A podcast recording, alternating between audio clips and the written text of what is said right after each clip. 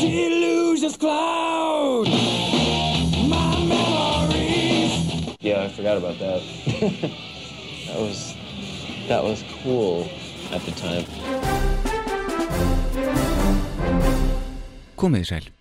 Þetta er Leikvangavílin og ég er Alli Hergesson. Það er hinn tjekkneski Budvar Léttul sem splæsir.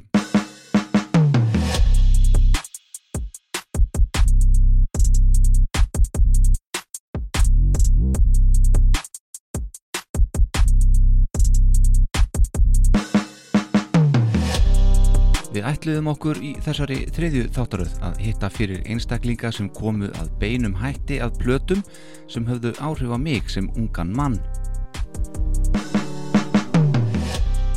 Sökum COVID-19 hef ég slepptið að fá til minn viðmælundur svona rétt á meðan við förum yfir mesta hjallán.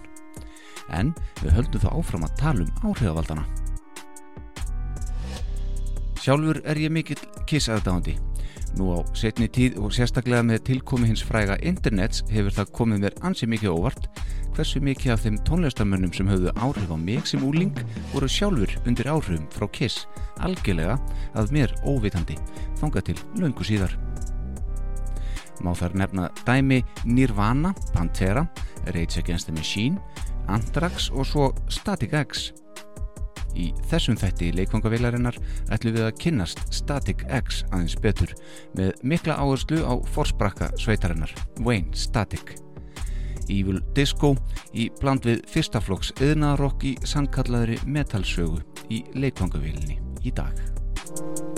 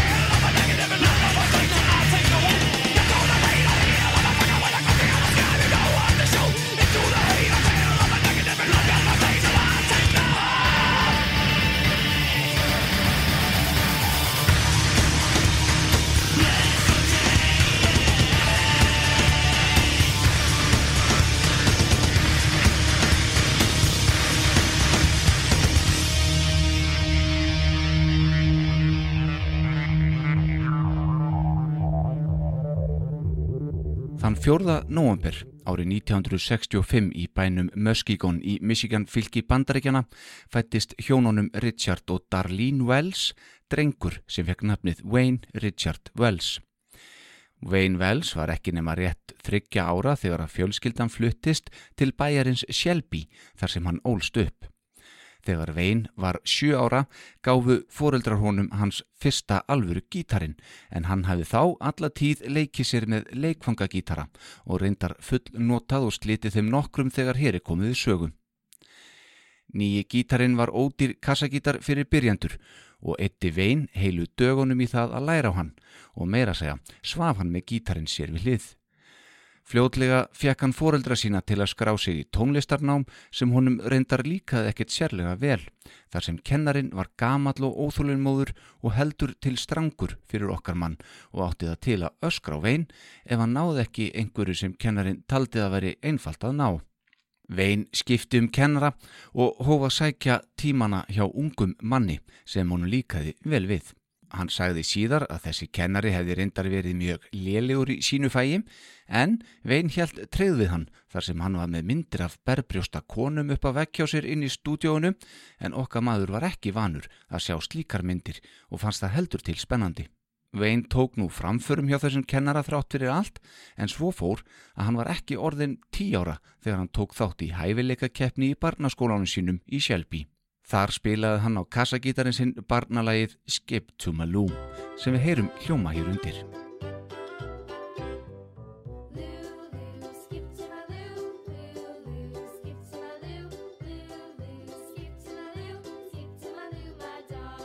Skemst er frá því að segja að Vein vann keppnina sjálfum sér og foreldri sínum til mikillir ánægu. Þarna ákvað Wayne Wells að eigin sögn að hann ætlaði sér að verða tónlistamæður þegar hann erði fullorðin. En, en þá var þó nokkuð langu vegur af því og var hann 12 ára þegar hann stopnaði sína fyrstu hljómsveit með nokkrum vinnum sínum. Wayne listi því síðar yfir að hann hefði sennilegast verið hálgjört nörd upp barnaskólan en síðar stundaði hann svo nám í Shelby High School þar sem hann kom sér strax í skólahljómsveitina. Þeir spiluð á flestum skóladansleikjum og öðrum uppákomum í skólunum. Aug þess að spila á gítarin var Wayne þarna farin að syngja líka en það var hann talin með engar flotta söngrött. Hann var þarna farin að prófa að reykja hass reglulega og hans uppáhalds hljómsveit var New York sveitin Kiss og skýruð þeir skólahljómsveitina Black Diamond eftir því fræga Kiss-lægi. Þeir spiluðu einni mikið af kistlögum þar sem okkar maður reyndi einni við gítarsólóin hans Ace Frehley. Myndist vein þess síðar að skólastjórin hafði verið ösku íllur þegar þeir spiluðu kistlægið Hotter than Hell á einhverju geginu þar sem þeir mátt ekki segja orðið Hell. Þeir gerðu hann úr samt og allt sögð upp úr. Vein vissi á þessum árum að hans vegferð yrði ekki varið í langa skólagöngu þó svo hann hafi verið ágetis námsmaður og útskrifaðist með þeim hæstu frá Shelby High School. Hann hófa reyna fyrir sér með öðrum hljómsutum með frá því að vinna ítla borgaða verksmiðuvinnu til að eiga salt í gröytin eða kannski í þessu tilfelli til að eiga fyrir gítarstrengjum. Vein sá fljótt eftir útskriftina að til að eiga betri möguleika á því að vinna við tónlist og svo ekki sér talað um að freysta þess að slá í gegn eða meika það, þá var þann að flytja frá Shelby. En meikdraumurinn ólgaði innan í okkar manni. Eftir nokkuð hark í tónlistin í Shelby ákvað hann þá um tvítugt að flytja til borgarinnar Chicago í Illinois fylki. Þar var hann komin mun nær virkara tónlistarlífi en senan í Chicago á þessum árum innihjalt nokkuð mikið af bæði metal og punkrock hljómsveitum sem vein kunni svo sannarlega að meta. Má þar nefna bönd eins og Naked Reagan og Big Black með gítarleikaran og söngvaran sjálfan Steve Albini í farabroti.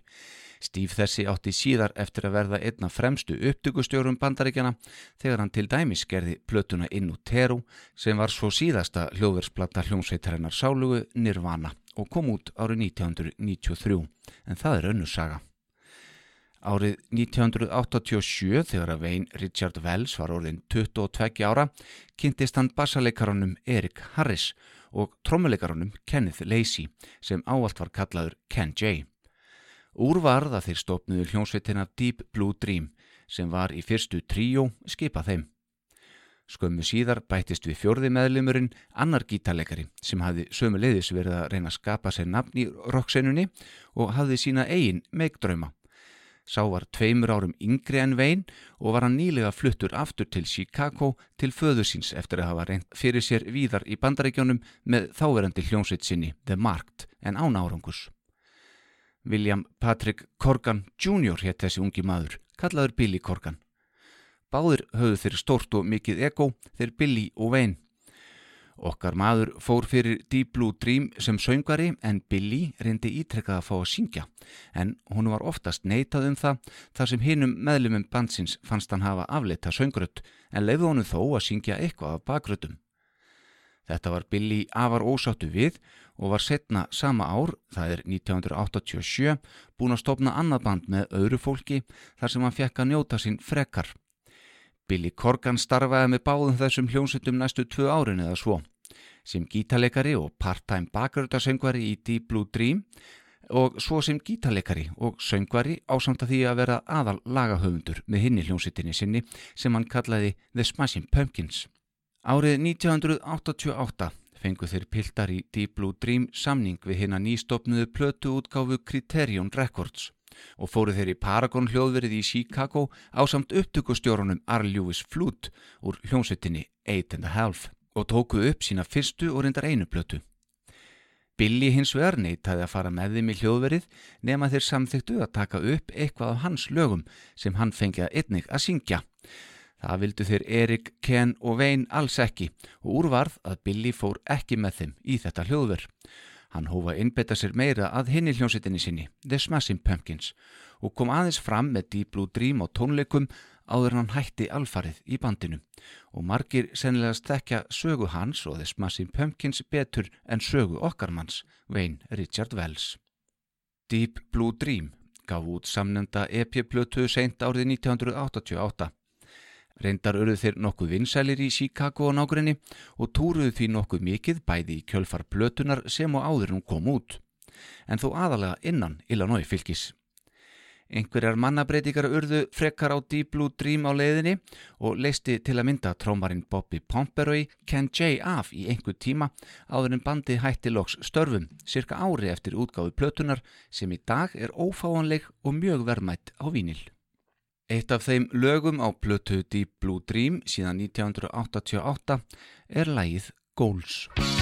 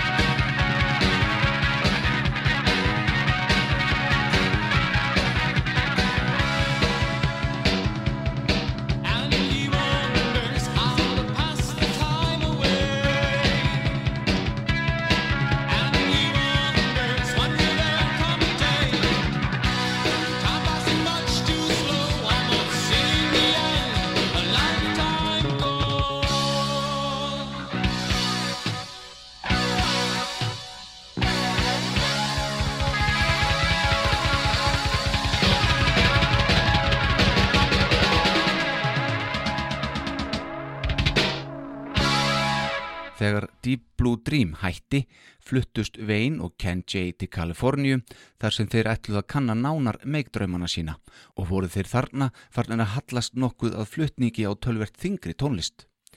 Fljótlega, eftir að þeir Wayne og Ken komu til Kaliforníu, hittu þeir fyrir gítarleikaran Emerson Svinford en sá hafði séð Deep Blue Dream leika á tónleikum er hann var stattur í Chicago nokkrum árum fyrr og gefið sig á tal við Wayne eftir tónleikana og einmitt kvatan til þess að flytja til LA og hafa þó samband við sig þegar hann kæmi og þeir getur þó jafnvel stopna saman band.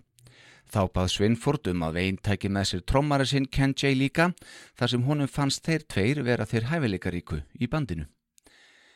Emerson Svinford vildi ekki bassaleikaran Erik Harris í vandalega bandið en það var hann með allt annan í huga í stöðu bassaleikara vinsinn Antoni Campos sem þá var bassaleikari í döðaróksljónsveit sem aldrei náði raunverulegu flugi.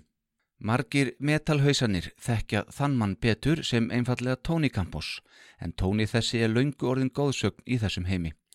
Hann hefur síðan þarna leikið og passað með fjölmörgum stórum hljónsveitum í þessum geira og má þar nefna Ministry, Fear Factory, Soulfly og svo auðvitað með Cavalera-bræðrum en með þeim kom hann fram í Íþróttahúsinu og Neskjöpstað á þungaróksháttíðinni Eistnaflugi árið 2017, sætlaminninga. Farið var á fullt að koma sér fyrir á nýjum slóðum þarna í LA og hljómsveitin Drill var til. Drill var mun þingra band heldur en Deep Blue Dream var nokkuð tíman.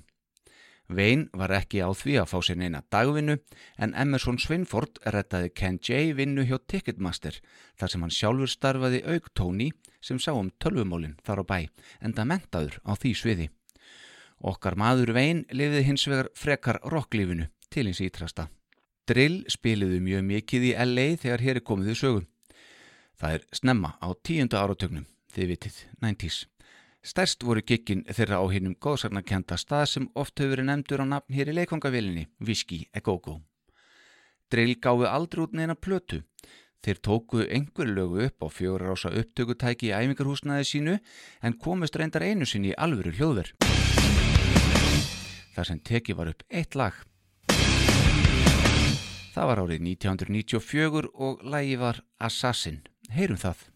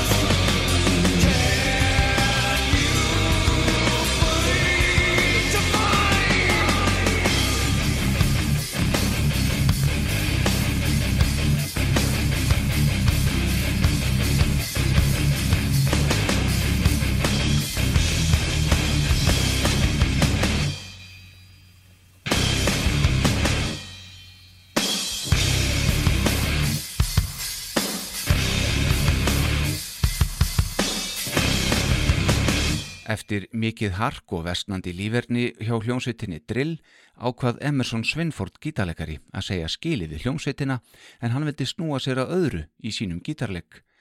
Hann sem fekk þó vegin og kenn til að flytjast til LA og spila með sér nokkur þingri tónlist en þeir voru búin að vera fremja fram að því vildi nú fara að spila sjálfur eitthvað léttara. Hann ringdi því í vegin og sagðist vera hættur í bandinu. Þetta símtal var afar erfitt fyrir Emerson og og mikið sjokk fyrir þó Wayne, Ken og Tony. Þeir fundu þó annan gítarleikara til að taka við á honum. Fyrir valinu var japanski gítarleikarin Koichi Fukuda.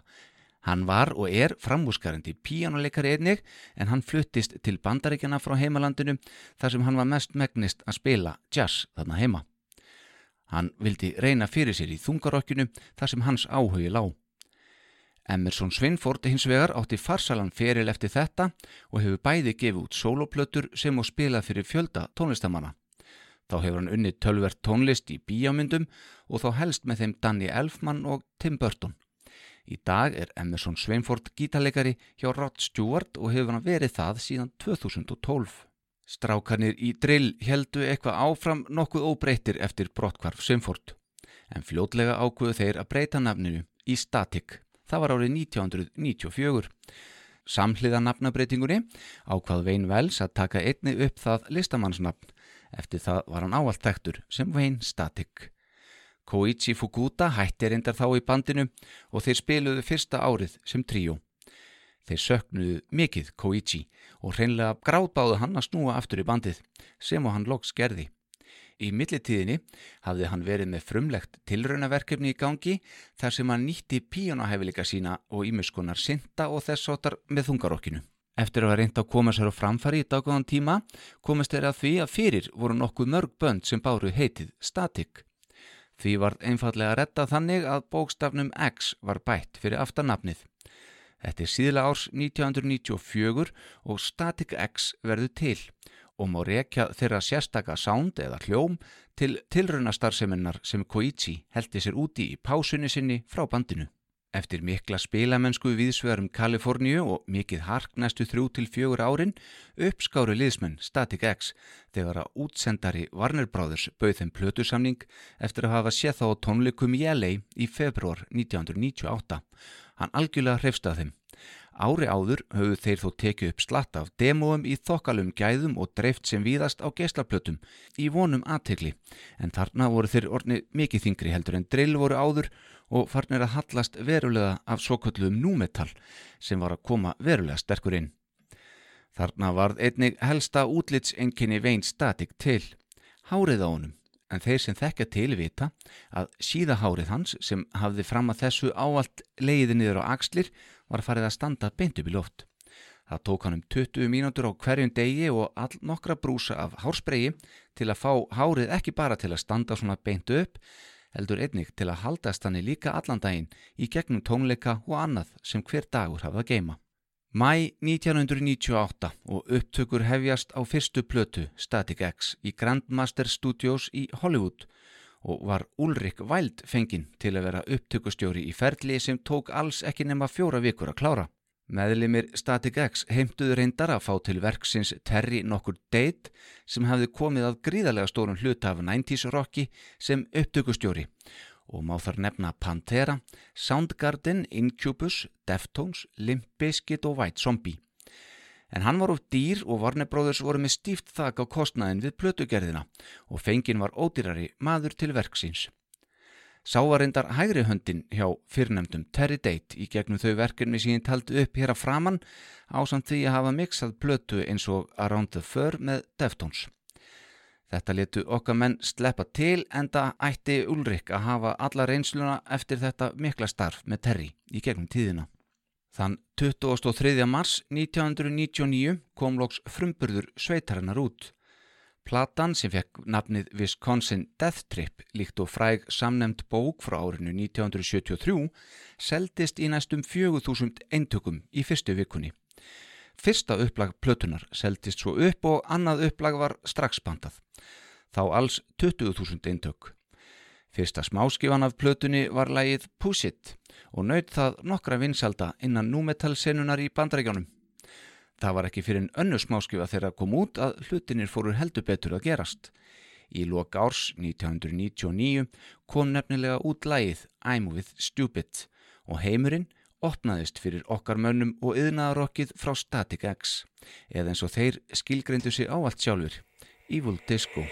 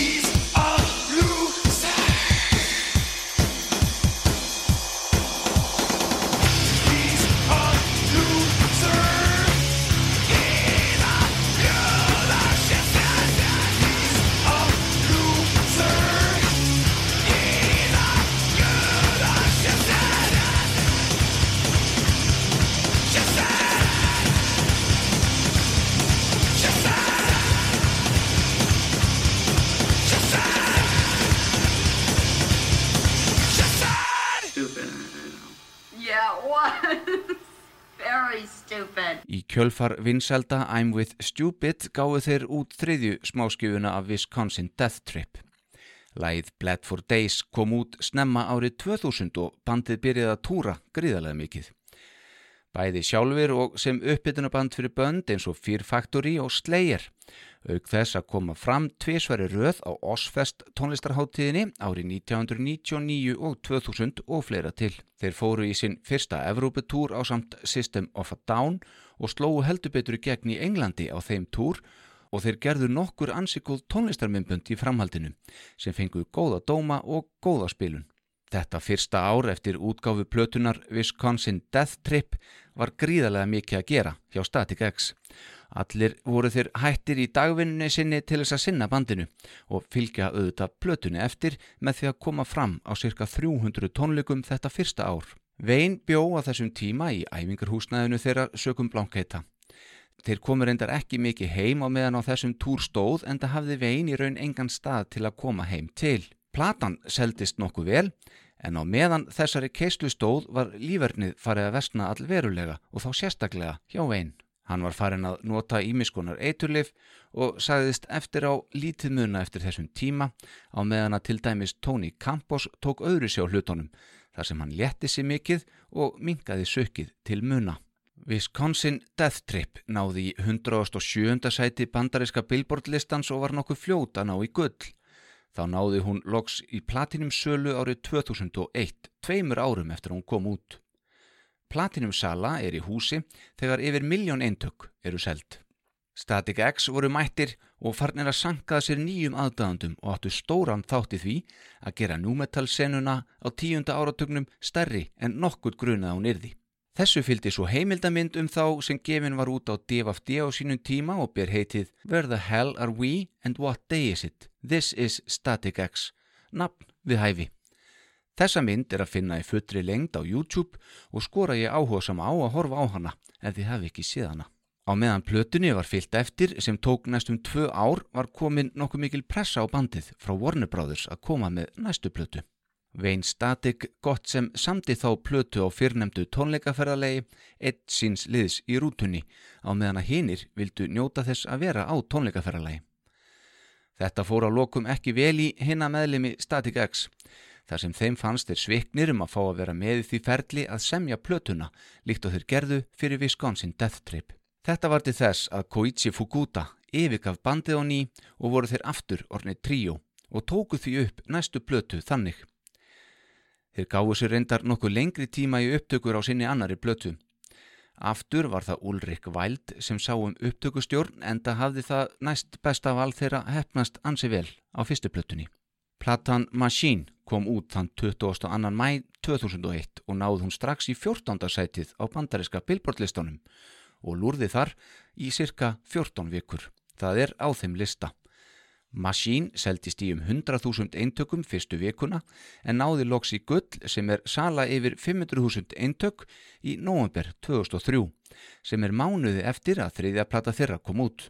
Vein spilaði allan gítar á Machine en þeir fengu til liðs við sig gítarleikaran Trip Eisen fyrir albúmmyndatökuna sem og að túra með bandinu og hjálpa þeim að fylgja plötun eftir.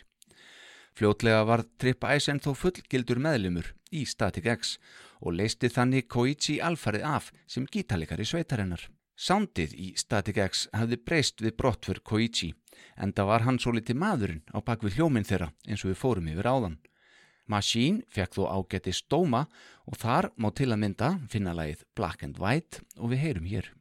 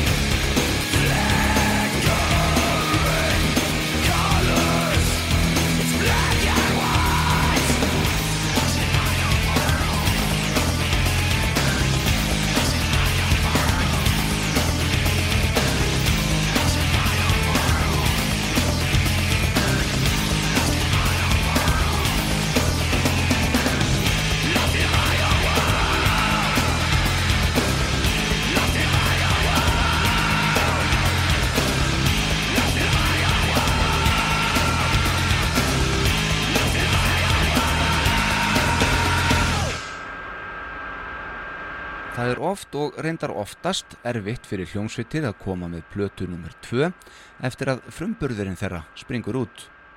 Machine gekk ekki alveg eins og menn voru búin að sjá fyrir þannig að fyrir næstu plötu var ákveð að skiptum upptökustjóra. Ulrik Wild var settur til hliðar og Josh Abraham tekin inn í starfið í staðinn. Þó hljóðblandaði Ulrik plötuna. Abraham hafði áður unni með böndum eins og Orgi, Linking Park og Cold Chamber. Bandið fekk alltaf taka þátt í því að semja fyrir þessa plötu, annað en var fyrir plötuna á undan, nema nú var engin Koichi Fukuda. Wayne Static samti ennþá bróðupartin af lögunum en núna í nánu samstarfi við nýja gítarleikaran Trip Eisen sem samti um helming af þessari þriðju plötu.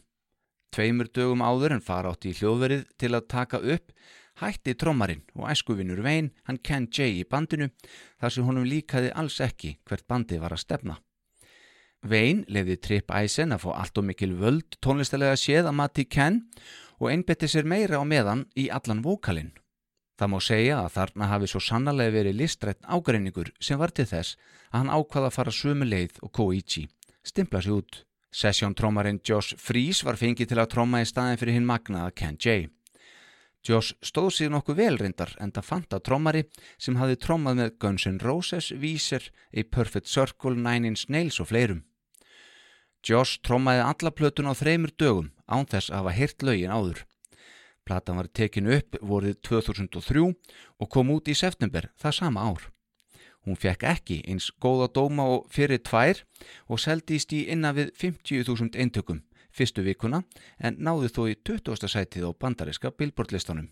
Trommuleikarin Nick Oshiro gekk í bandið og fylgdi plötunni Shadow Zone eftir á samt þeim Wayne, Tony og Tripp á annars tíðindalitlu tónleikaferralagi þeirra og má segja að frásögnin sé heldur farin að þinnast þegar hér er komið við sögu. En býði við.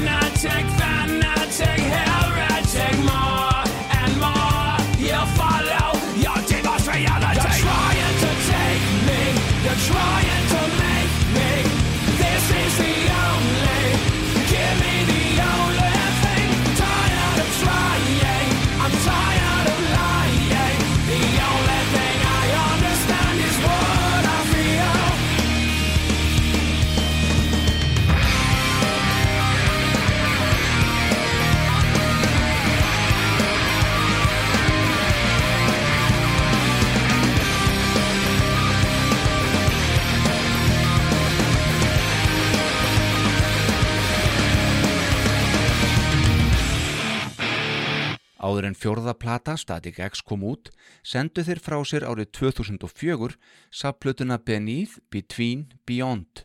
Hún geymdi nýjar útgáfur af fyrirútkomnum lögum þeirra, auk demoupptakna af sumum af þeirra helstu lögum, coverlögum og þessáttar.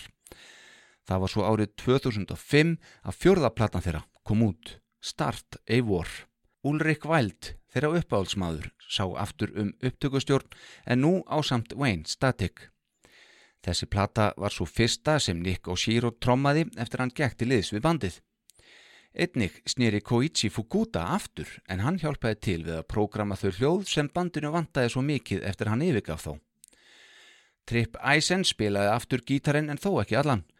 Trip var nefnilega rekin úr Static X á meðan að upptökunum stóð og Koichi fengið aftur inn í bandið. Hann kláraði því eitthvað af gítarpörtunum sem trippaði skilið eftir sig ókláraða og hjálpaði bandinu einnig við að fylgja plötunni eftir en hér voru vinseldir Static X farnar að dala allverulega. Platan fekk sæmilega dóma en seldist ekki nægilega vel. Fymta plata Static X kom svo út 3. april 2007 og hún ber heitið Cannibal.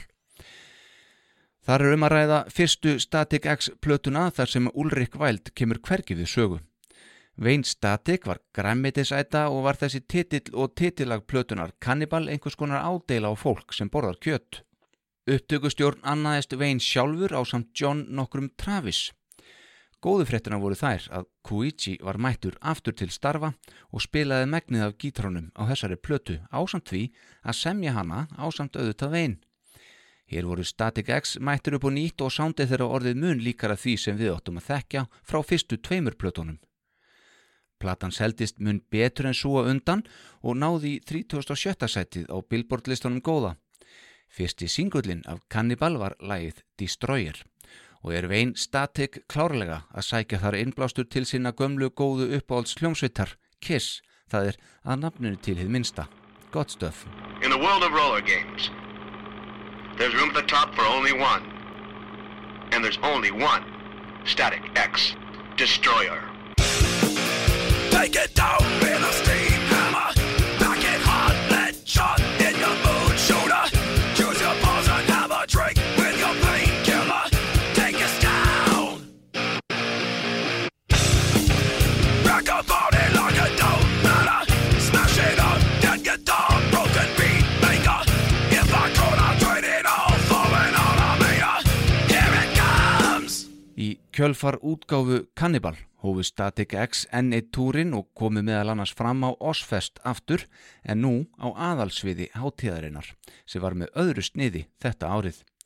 Frítt var inn á hátíðina í bóði tímaritsins Höstler. Á hátíðinni voru því mikið af lítið klædum stúlkum á vegum þessa styrtaraðila til að kynna blaðið Höstler. Ein af þeim var Tara Ray, okkar maður kolfjall fyrir henni, ást við fyrstu sín. Þarna hafði Vein hitt framtíðar eiginkonu sína. Hún hétt réttu nafni Tara Elizabeth Lance. Hún var 17 árum yngri en Vein, fætti í Kentucky þann 14. april árið 1982 og var mikill aðdáðandi þungarókstónlistar. Þá átti Tera þessi að eiginsögn þann æsku draum öll sín uppvastar ár síðan hún var í fjörðabekk að verða klámyndaleikuna. Sérstakur draumur það. Hún kom fram í tögum klámynda í gegnum tíðina og var endar marg verlunuð líka fyrir störf sín þar. Síðar þetta sama ár, það er 2007, tilkynnti okkar maður Vein í viðtali að hann hegðist gefa út sóloplötu og var þegar farin að semja fyrir hana.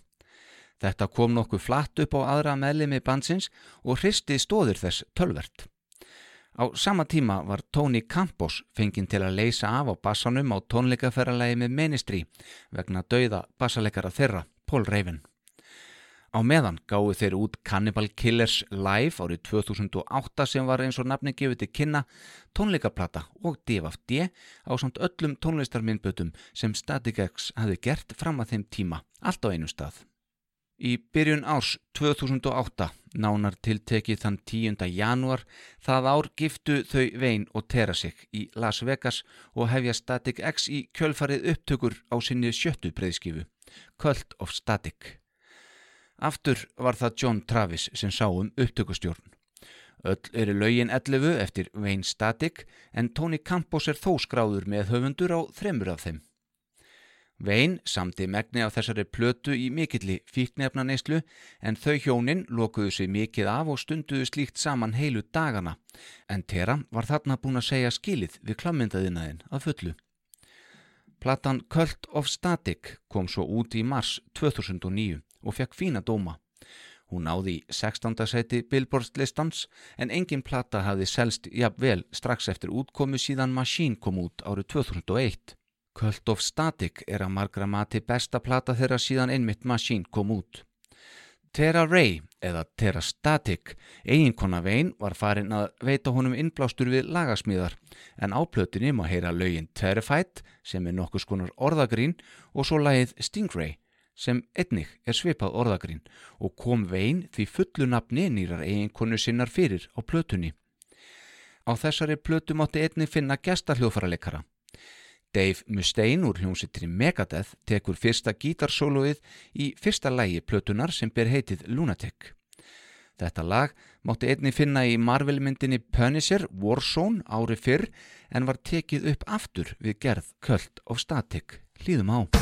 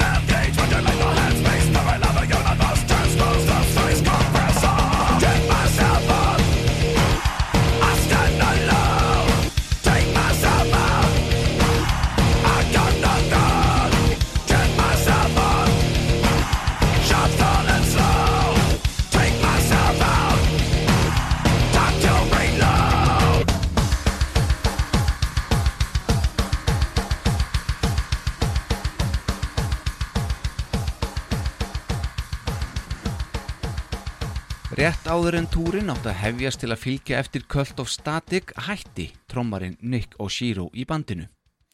Nick var nýlega hættur allri neyslu og var orðin edru og lendi því mikið upp á kant við vein sem sló ekkert af í sinni neyslu.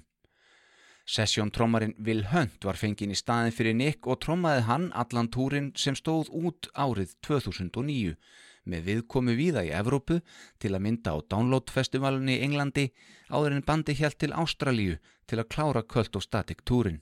Þarna var Vein komin í verulega neyslu og átti litla sem enga samleið með hinnum meðlumum Static X.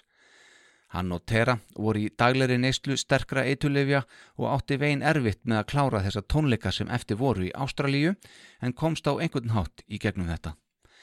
Gítarleikaranum Koichi Fukuda var ekki skemmt en hann var þarna komin með fjölskyldu og hugur hans leitaði heim til konu og barns. Eitthvað sem Vein gerði lítið úr enda sjálfur frá af neyslu og mikil karaktersbreyting innræði honum hafði átt sér stað sökum þess. Þegar heim til bandaríkjana var komið eftir túrin fóru allir til síns heima og meðan rikið settist. Bandi hjekk á bláþræði og eitulifja neysla Vein Static var að ganga frá samstarfinu á milli hans og Tony.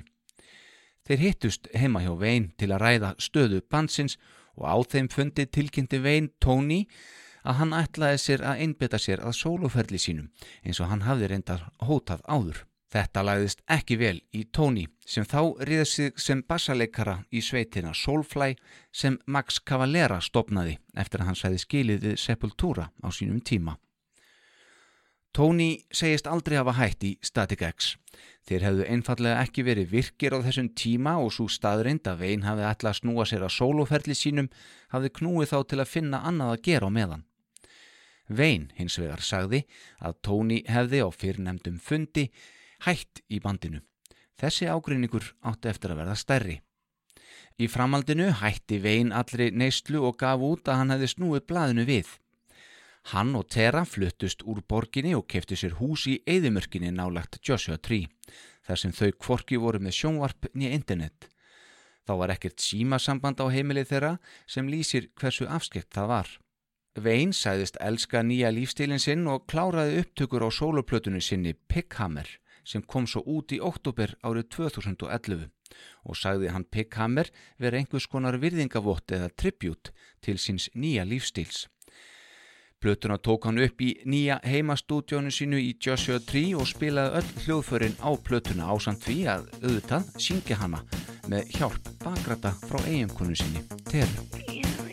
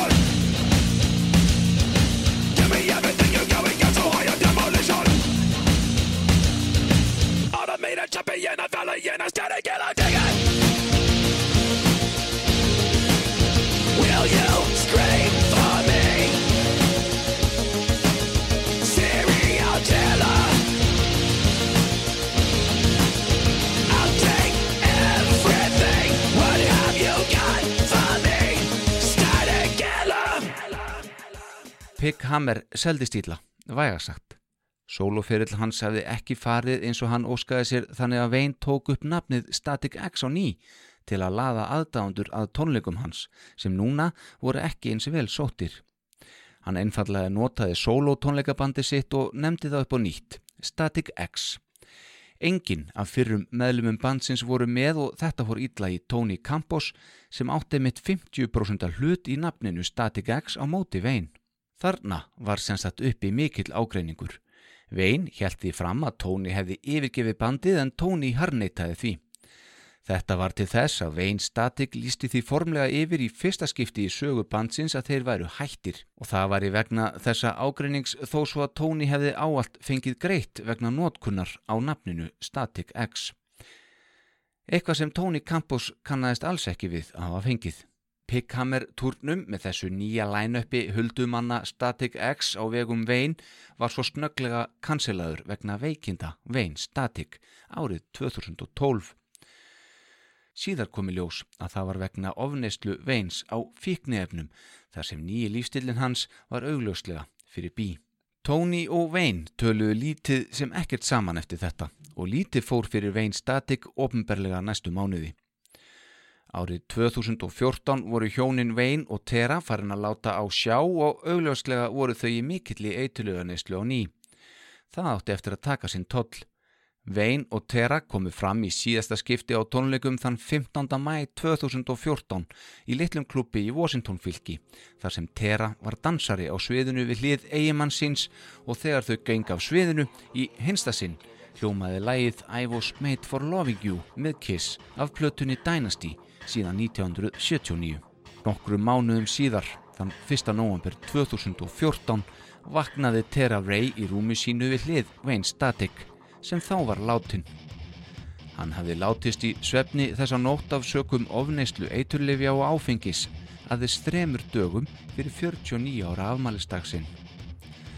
Þetta var mikið áfall fyrir gömlu vini hans, upprunalegu meðlemi Static X, sem allir gengu með þann draum að einn daginn myndi Vein ná áttum og taka lífsitt föstum tökum og að bandið myndi koma saman á ný.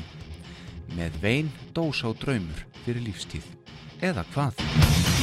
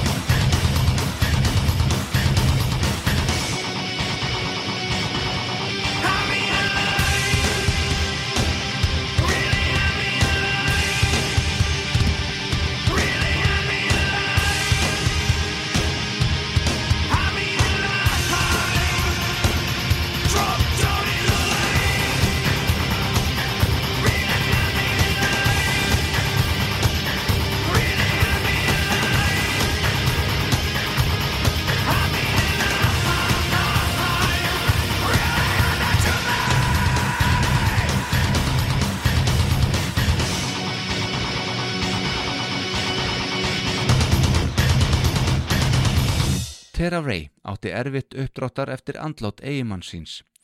Hún sökk sér sjálf í mikla eitulífa neyslu sem endaði á því að hún fyrirfór sér á heimili sínu í Joshua Tree þann 13. janúar árið 2016, 33 ára að aldri. Tera og Vein eignuðust aldrei börn, þar sem Tera átt ekki þann líffræðilega möguleika eftir að hafa sigrast á krabbameini þegar hún var 17 ára.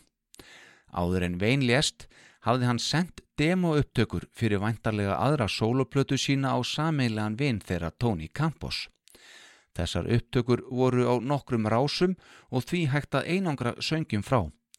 Þessar upptökur rötuðu til Tony Campos á samt fleiri upptökum sem fundust af rött Wayne Static sem voru outtakes frá fyrri plötum og ákvaðu þá upprunalegu meðlumir Static X að koma loks saman á ný og gera nýja plötu með má að segja nýju orginal Static X efni.